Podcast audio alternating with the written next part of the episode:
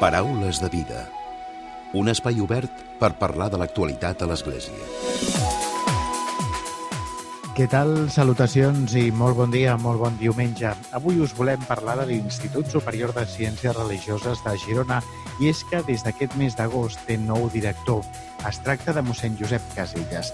Caselles, que substitueix Pere Carreras, és doctor en Comunicació Audiovisual per la Universitat Autònoma de Barcelona i en Teologia Fonamental per la Facultat de Teologia de Catalunya. Josep Caselles ha estat director de la revista diocesana El Senyal i ha estat també professor de l'Institut de Ciències Religioses de Girona, el de Barcelona i la Facultat de Teologia de Catalunya. Avui ens acompanya al programa per parlar dels nous reptes que afronta com a responsable de l'ISCREP. Els objectius de l'Institut Superior de Ciències Religioses de Girona són els de proporcionar una formació sistematitzada i actualitzada de la teologia i la cultura religiosa. De seguida el saludem. I com sempre, tancarem el Paraules de Vida amb el comentari de l'actualitat de Francesc Romeu. Comencem.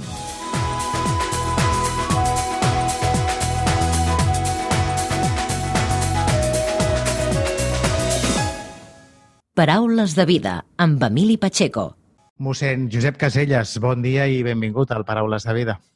Hola, bon dia. Parlem d'aquest nomenament que, de fet, es va produir a mitjans de, del mes d'agost com a nou director de l'ISCREP, de l'Institut Superior de Ciències Religioses de Girona. Tot un repte, oi? Sí, un repte important perquè és una institució que ja té una llarga història, més de 30 anys, ha anat fent una bona feina durant aquest temps i es tracta d'anar-la continuant i millorant en la mesura del que sigui possible. Partir d'aquí, per tant, nou repte, nou curs. Primer de tot, eh, quins són els, els reptes que ha d'afrontar l'Institut Superior de Ciències Religioses de, de Girona i suposo que tots els instituts de ciències religioses. Quin, quin és el repte a dia d'avui? Bé, reptes n'hi ha uns quants. N'hi ha un que compartim totes les institucions educatives i al capdavall tota la societat, que és el de poder començar el curs amb normalitat. Això, gràcies a Déu, s'ha produït aquesta setmana passada, en què hem ja iniciat les classes dilluns passat i mm, prenent totes les mesures sanitàries que ens recomanava l'Ateneu Universitari Sant Pacià, en el qual estem integrats, doncs hem pogut eh, fer les classes eh, amb normalitat, amb totes les precaucions sanitàries, finestres obertes, eh, gel hidroalcohòlic, en fi, distàncies, mascareta, tot allò que es recomana perquè no hi hagi problemes de tipus sanitari. Mm, després el repte doncs, és això, anar mantenint eh, l'activitat de l'institut i anar-la eh, millorant. Mm, un dels reptes principals que té el nostre institut és que, eh, fi, que hi ha pocs alumnes i, per tant, caldria potser donar més difusió a les activitats, a l'oferta que fa l'institut, perquè creiem que pot interessar a moltes persones i sí que s'hi apunta gent, eh, però eh, creiem que eh, se n'hi hauria d'apuntar molt més per la realitat demogràfica que té la diòcesi de Girona, que és l'àmbit en el qual ens movem, i per tant aquest és un dels reptes eh, principals.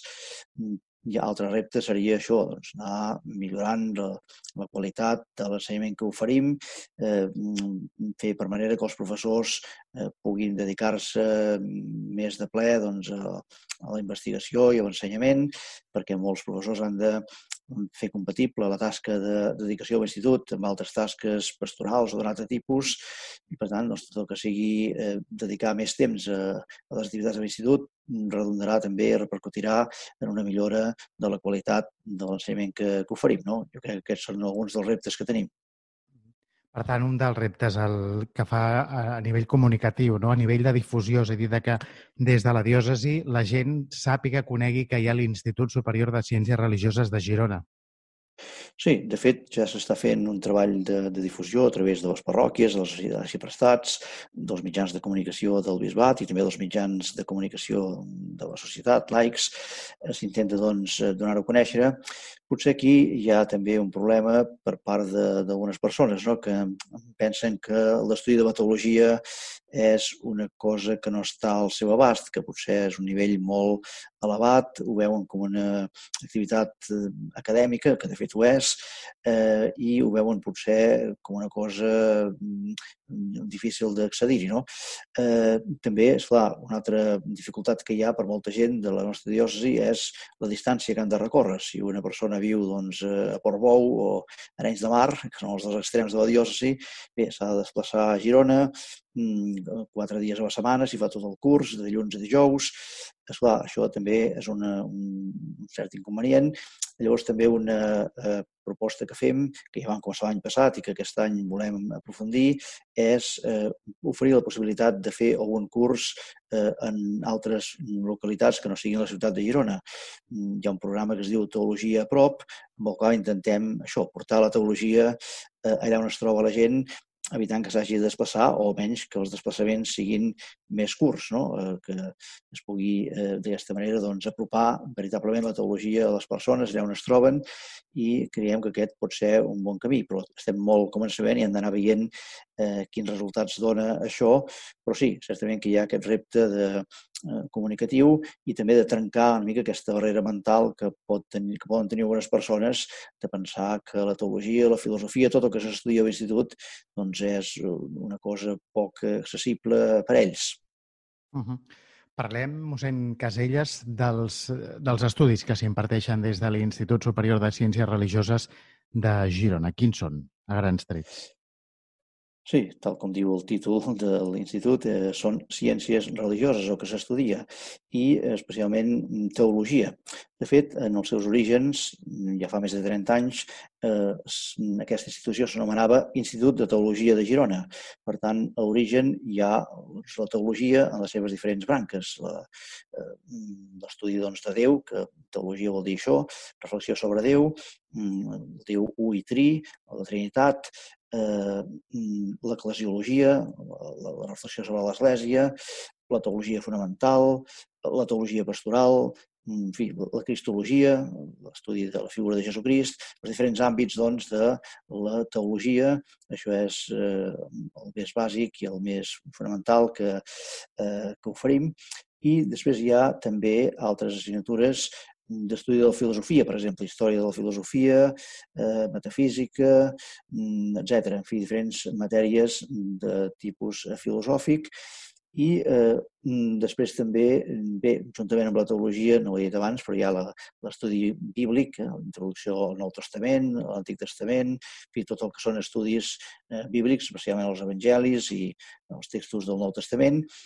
Eh, per tant, mm, Bíblia i teologia, filosofia i diferents ciències religioses, eh, com poden ser la psicologia de la religió, la sociologia de la religió mm, o bé temes relacionats amb la comunicació també.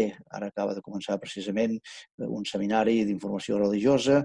Eh, hi ha també doncs, algunes matèries eh, relacionades amb aquest tema de la comunicació i també altres estudis, teologia i cinema, música religiosa, eh, iconografia eh, de, de l'Antic Testament i del Nou Testament, en fi, estudis sobre eh, els eh, arxius, eh, documents que hi ha a l'arxiu i a la biblioteca diocesana de Girona, en fi, temes molt variats, fe i ciència, una gran varietat de, de temes. És a dir, que hi ha diversitat, són ciències religioses des de diferents vessants i punts de vista, oi?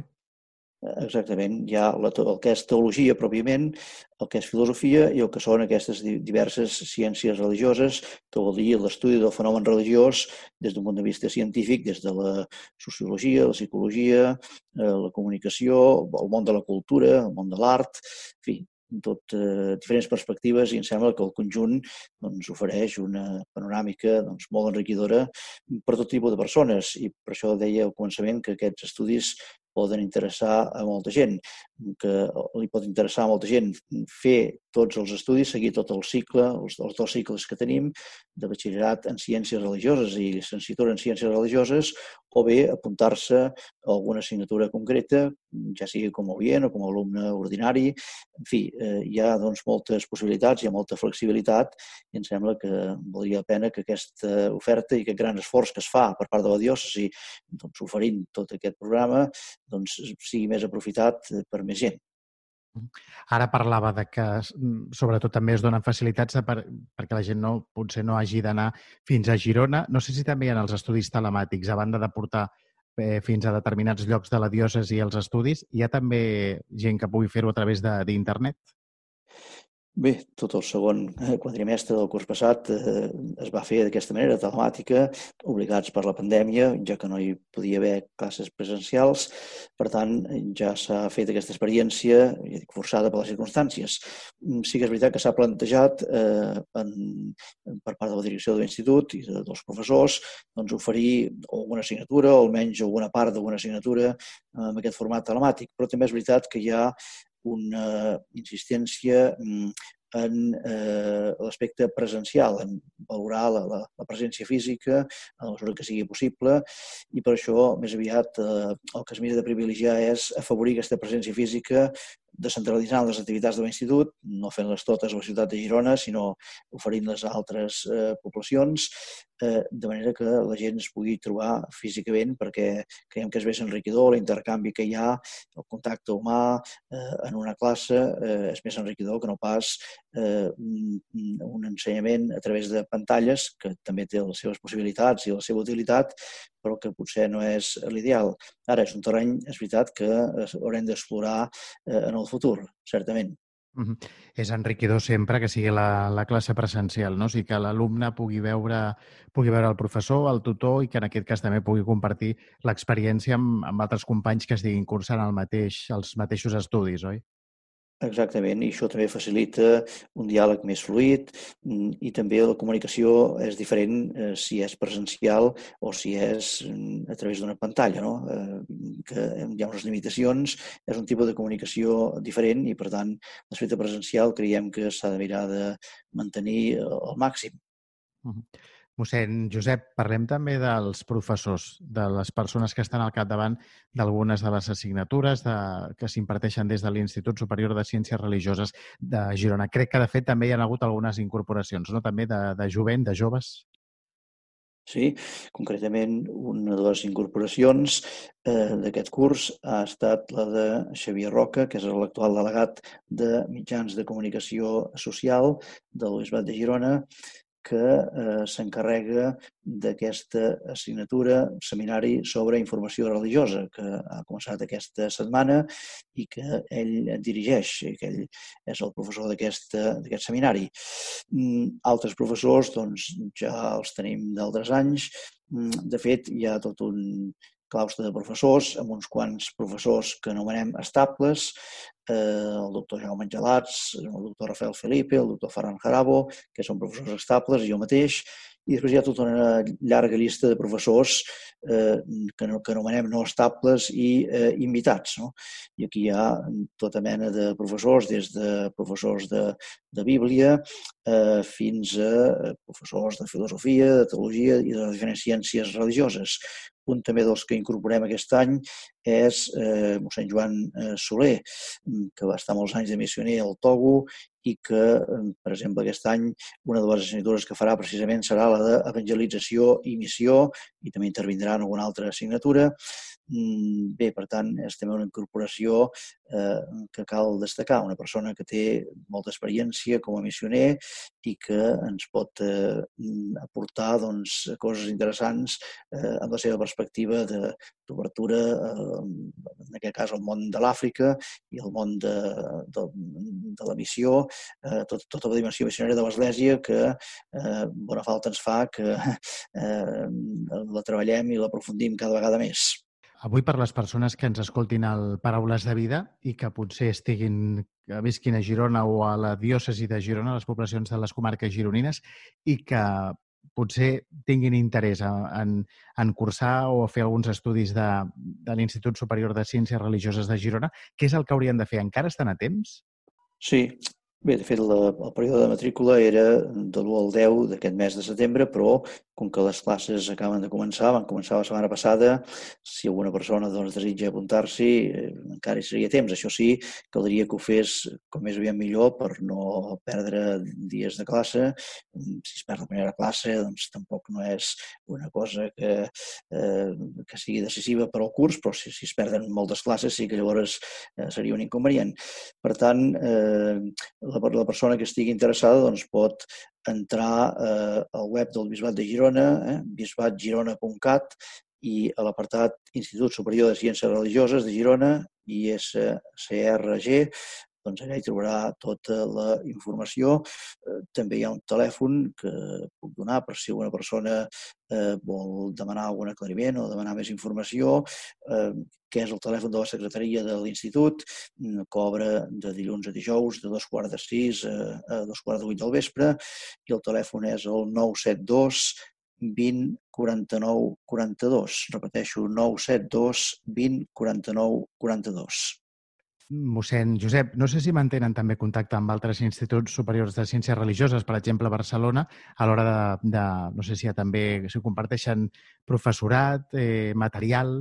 Bé, eh, tenim relació amb els altres instituts, tant el de Barcelona com els d'altres bisbats de Catalunya, mm, i eh, sobretot a través de les reunions de directors. Mm, jo, esclar, acabo de començar i, per tant, encara no he assistit a cap d'aquestes reunions. Per tant, sí que hi ha un intercanvi de d'opinions, d'impressions, d'un anar analitzant conjuntament l'activitat dels diferents instituts. Mm, sí que hi ha professors eh, que venen doncs, de, Barcelona o de, de Vic o d'altres eh, llocs, professors que donen classe a diferents instituts, però la majoria de professors eh, són d'aquí, de, de Girona, del Bisbat. Mm, és un dels temes que hauríem de eh, també fomentar. Jo també em proposo, com a director, de mirar de mm, obrir més a altres instituts, concretament també el d'una diòcesi veïna com és la de Perpinyà, eh, que aquest eh, mm, divendres doncs, ha inaugurat eh, el curs i jo he mirat, doncs, de, he procurat assistir-hi per això, precisament per intentar establir uns vincles amb aquesta diòcesi veïna eh, que té també una institució eh, bastant semblant eh, a la nostra, que és el Centre Teològic Ramon Llull. Per tant, tot el que sigui mm, diguem-ne, fomentar aquesta col·laboració i aquests contactes amb altres centres semblants, doncs crec que és molt positiu i que s'haurà d'anar aprofundint. Per tant, serà un dels reptes oi, que, que té per endavant com a director? Sí, exactament. També serà un dels reptes perquè és veritat que la, les problemàtiques eh, són força semblants eh, als diferents llocs, tot i que cada diòcesi eh, té les seves especificitats i també cada institut té les seves característiques, però eh, tots estem també sota el mateix paraigua, que és l'Ateneu Universitari Sant Pacià, la Facultat de Teologia de Catalunya, i per tant eh, crec que sí, que compartim moltes coses i que val la pena eh, això, doncs, eh, assumir aquest repte d'intensificar aquestes relacions amb els altres instituts. I ja per, per acabar, mossèn Josep Caselles, més a nivell personal, vostè ha estat durant molts anys també delegat de mitjans de comunicació al Bisbat de Girona. Ara aquest és un nou repte que, que suma a la mateixa diòcesi. Eh, què és el que significa a nivell personal ser el director de, ser director de l'Institut Superior de Ciències Religioses? Bé, a nivell personal és una, això és una responsabilitat, un càrrec que fa el, el senyor bisbe de Girona i el gran canceller de, de l'Ateneu Universitari Sant Pacià, eh, que és el cardenal arcabisbe de, de Barcelona. Eh, és, per tant, una confiança que, que, que posen en mi i, per tant, és un, un repte que, eh, que he d'assumir. Eh, és veritat que jo ja tinc una experiència en l'ensenyament de la teologia, sobretot la teologia pastoral i també altres assignatures relacionades amb la comunicació, per tant, per mi no és pas un món nou i desconegut, sinó que més o menys hi estic posat, però eh, el càrrec de director comporta també unes responsabilitats noves eh, que van més enllà de, de l'ensenyament d'una assignatura i, per tant, m'agafo aquest càrrec doncs, amb, il·lusió i amb ganes d'avançar, tirar endavant però també doncs, sent conscient de les dificultats que hi ha, dels reptes que tenim plantejats eh, i també doncs, amb voluntat, com deia abans, de col·laborar eh, amb altres persones d'altres instituts i sobretot amb els professors i alumnes de, i personal administratiu del nostre institut. No? Per tant, eh, intentaré això, anar millorant les coses, eh, comptant amb la col·laboració de tots i eh, agafant-m'ho amb il·lusió i al mateix temps conscient també de les dificultats eh, i dels meus límits, perquè també eh, hauré de compatibilitzar aquest càrrec amb altres tasques pastorals a la parròquia o a les parròquies de Pineda de Mar i Santa Susana, on ara em trobo, i també amb altres tasques que tinc entre mans. Per tant, es tractarà també de, de, de trobar la manera de tirar endavant les diferents responsabilitats que tinc encomanades. Mossèn Josep Caselles, gràcies per haver-nos acompanyat avui al Paraules de Vida. Moltes gràcies a vosaltres. Paraules de Vida. Directe als valors. Directe a tu. I tot seguit arriba una setmana més al comentari de l'actualitat de Francesc Romeu. Francesc, molt bon dia. Molt bon dia a tothom. Aquesta setmana ens volem fer ressò de dues persones que ens han deixat recentment. En primer lloc, la setmana passada va morir el capellà barceloní Manel Pousa i Engrunyat, conegut com el Pare Manel, a l'edat de 75 anys i a causa d'una embòlia després de donar positiu per la Covid-19. El Pare Manel era molt reconegut i apreciat pel seu treball a les presons i a favor de la reinserció dels presos i pel seu compromís a favor dels més pobres concretat en els barris de Trinitat, Verdun i Roquetes, a nou barris a Barcelona. En la seva joventut, el cardenal Narcís Jovany els va reconèixer a ell i a tres companys més com a vocacions madures i els va enviar a estudiar al Seminari de París. Entre aquests companys també hi havia el conegut artista Carles Flavià. Va ser justament el seu company i amic Carles Flavià qui cada any, a primers de juny, li muntava un espectacle benèfic amb el lema Guanya't el cel amb el pare Manel, on hi desfilaven molts artistes, com el seu amic també Pepe Rubianes, i amb Manuel Fuentes, Carles Latre, Andreu Buenafuente o Joan Manuel Serrat i el Tricicle, entre d'altres. Amb el que recaptava en aquestes gales, el pare Manel organitzava unes colònies d'estiu pels nens del carrer i pels fills de les famílies dels presos. Amb un volum econòmic considerable, i alhora amb un pare Manel que vivia amb la més absoluta austeritat i pobresa, però amb un esperit molt generós, uns bons amics seus i molt identificats amb el seu projecte van muntar la Fundació Pare Manel. Si hi havia una cosa que el Pare Manel apreciava pel seu treball justament a les presons era la llibertat. Ell la volia i la desitjava arreu, i també dins de l'Església, que ell la volia ben oberta i lliure. Ja fa uns pocs anys, un grup de capellans li vam demanar que ens acompanyés en un recés de pregària un dilluns al matí a Rubí. Recordo aquell matí en el que ell ens va mostrar la seva profunda interioritat. D'una banda ens va reconèixer que tot el que ell feia era mogut per la lectura assídua de l'Evangeli, però també per altra banda ell estava agraït i reconeixia que l'Església justament la que li havia lliurat aquest Evangeli i aquesta manera de llegir la vida de Jesús alhora que ens agraïa als companys capellans que li donéssim aquesta força. Fent aquesta feina social, ell se sentia profundament capellà. La darrera vegada que ens vam veure va ser a la meva parròquia aquí al Poble Nou de Barcelona, a l'abril de l'any passat, gravant un programa justament per Catalunya Ràdio, amb el nostre company Albert Segura, pel matí del dilluns de Pasqua, una festa intersemanal. Quan vam acabar l'enregistrament, ja al carrer li vaig dir «Manel, jo no puc fer pas tot el que fas tu. Tu sí que pots fer el que jo faig, dir missa i portar una parròquia, però jo no tinc paraules per parlar amb els presos com ho fas tu, amb aquesta proximitat, amb apreci i alhora amb exigència. I ara ho puc tornar a dir. El pare Manel és insubstituïble. Podem nomenar capellans com a rectors de parròquia, però el que feia el pare Manel era una vocació pròpia, de pobresa de generositat i de treball social pel qual ens costarà trobar-nos algun com ell. En segon lloc, aquesta setmana també ha mort la Núria Gispert i Feliu, a l'edat de 84 anys. Núria Gispert era filla d'un prestigiós i molt apreciat metge del barri de Sant Andreu de Barcelona, el doctor Bonaventura Gispert. I formada com a mestra, es va iniciar com a catequista a la parròquia de Sant Pacià i es va implicar en la militància política, primer en el PSUC fins a acabar les files del PSC. Una de les seves primeres lluites va ser per l'erradicació de les darreres barraques a Barcelona, les barraques de la barriada de la Perona, entre els barris de la Sagrera i Sant Martí de Provençals. Després, amb 15 anys com a regidora de l'Ajuntament de Barcelona, també va iniciar la primera xarxa d'escoles bressols i la dels centres cívics de Barcelona.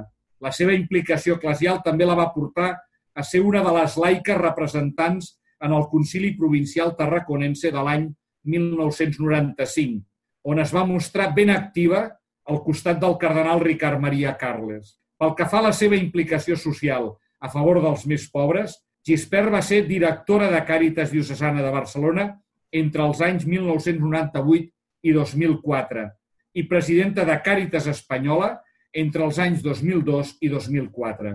Com el mateix pare Manel, Núria Gispert també va ser condecorada amb la Creu de Sant Jordi que concedeix la Generalitat de Catalunya.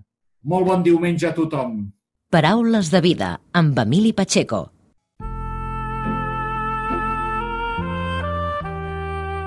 Us oferim la carta dominical de l'arcabisbe de Barcelona, Joan Josep Omella. Déu vos guard. Princesa de Barcelona, protegiu vostra ciutat amb aquest prec del poeta mossèn Cinto Verdaguer, interpel·lava la Mare de Déu de la Mercè. Estic segur que el proper dia 24 de setembre molts barcelonins i barcelonines i també moltes persones d'altres contrades demanaran protecció i salut a la nostra patrona. A l'arxidiòcesi de Barcelona hi ha una gran devoció a la Mare de Déu en santuaris i ermites. La resta de Catalunya també és terra mariana, en què les diferents advocacions manifesten la veritat profètica de les paraules d'Elisabet a Maria. Ets beneïda entre totes les dones. Seguint el fil d'aquestes paraules d'Elisabet, ens podem preguntar per què és beneïda Maria, la Mare de Jesús? I podem respondre, Santa Maria és beneïda perquè ha tingut fe. El Concili Vaticà II ensenya que ella, la Mare de Déu, va engendrar el Fill de Déu creient i obeint, i que va prestar la seva fe exempta de tot dubte al missatger de Déu. Sant Joan Pau II ho recorda novament en l'encíclica La Mare del Redentor en què va escriure Maria ha estat la primera a creure. Ara bé, la vida de Maria va transcorrer amb dubtes i incomprensions. Ni ella ni Josep van entendre, per exemple, aquelles paraules que Jesús, adolescent, quan el va trobar al temple de Jerusalem. No sabíeu que jo m'havia d'ocupar de les coses del meu pare? Però Maria i Josep van acceptar el misteri de la missió de Jesús i van confiar en els designis de Déu. Maria sempre ben unida al seu fill des del bressol de Betlem fins a la creu del Calvari, va avançar en el camí de la fe meditant en el seu cor el que veia i oïa. També nosaltres estem cridats a avançar i a viure la fe ara i aquí, en les actuals circumstàncies de feblesa, d'inseguretat i de crisi social i econòmica causades per la persistent pandèmia de la Covid-19. Permeteu-me que en aquesta festa de la Mare de Déu de la Mercè em demani a mi mateix, us demani a vosaltres que estiguem disposats a viure l'esperit mercedari, a donar la vida pels altres, oferint-nos als més vulnerables davant les conseqüències de la crisi actual. El títol de la Mercè al·ludeix a allò que és do, esforç, generós i desinteressat. L'Ordre de la Mercè, fundat l'any 1218, va donar resposta a una necessitat urgent de la societat d'aquell temps, l'alliberament dels captius perquè poguessin tornar a la seva terra amb les seves famílies. Des de l'inici, l'acció redemptora dels mercedaris va anar unida a la dimensió caritativa i d'hospitalitat. Sant Pere Nolasc, un laic de professió comerciant, gran devot de Santa Maria, des de l'Hospital de Santa Eulàlia acollia els desvalguts de la ciutat i ajudava els cautius redimits a refer-se. Mercedaris han anat aplicant aquest carisma fundacional a les diverses realitats del món, sobretot amb les seves obres al servei dels presos i dels marginats. Per això, amb motiu de la festa de la nostra patrona, demano que en esperit i amb obres de bé ens fem tots mercedaris. Així farem el peregrinatge de la fe, imitant Santa Maria, i farem realitat el que desitja el poeta en els goig de la Nostra Senyora de la Mercè, que Maria sigui la nostra estrella, llum en les nits fosques, que ens faci missatgers de l'amor de Crist entre els més pobres i ens alliberi de totes les adversitats, fins i tot de la mort eterna. Mare de Déu de la Mercè, princesa de Barcelona, prega per nosaltres. Us hem ofert la carta dominical de l'arcabisbe de Barcelona, Joan Josep Omella.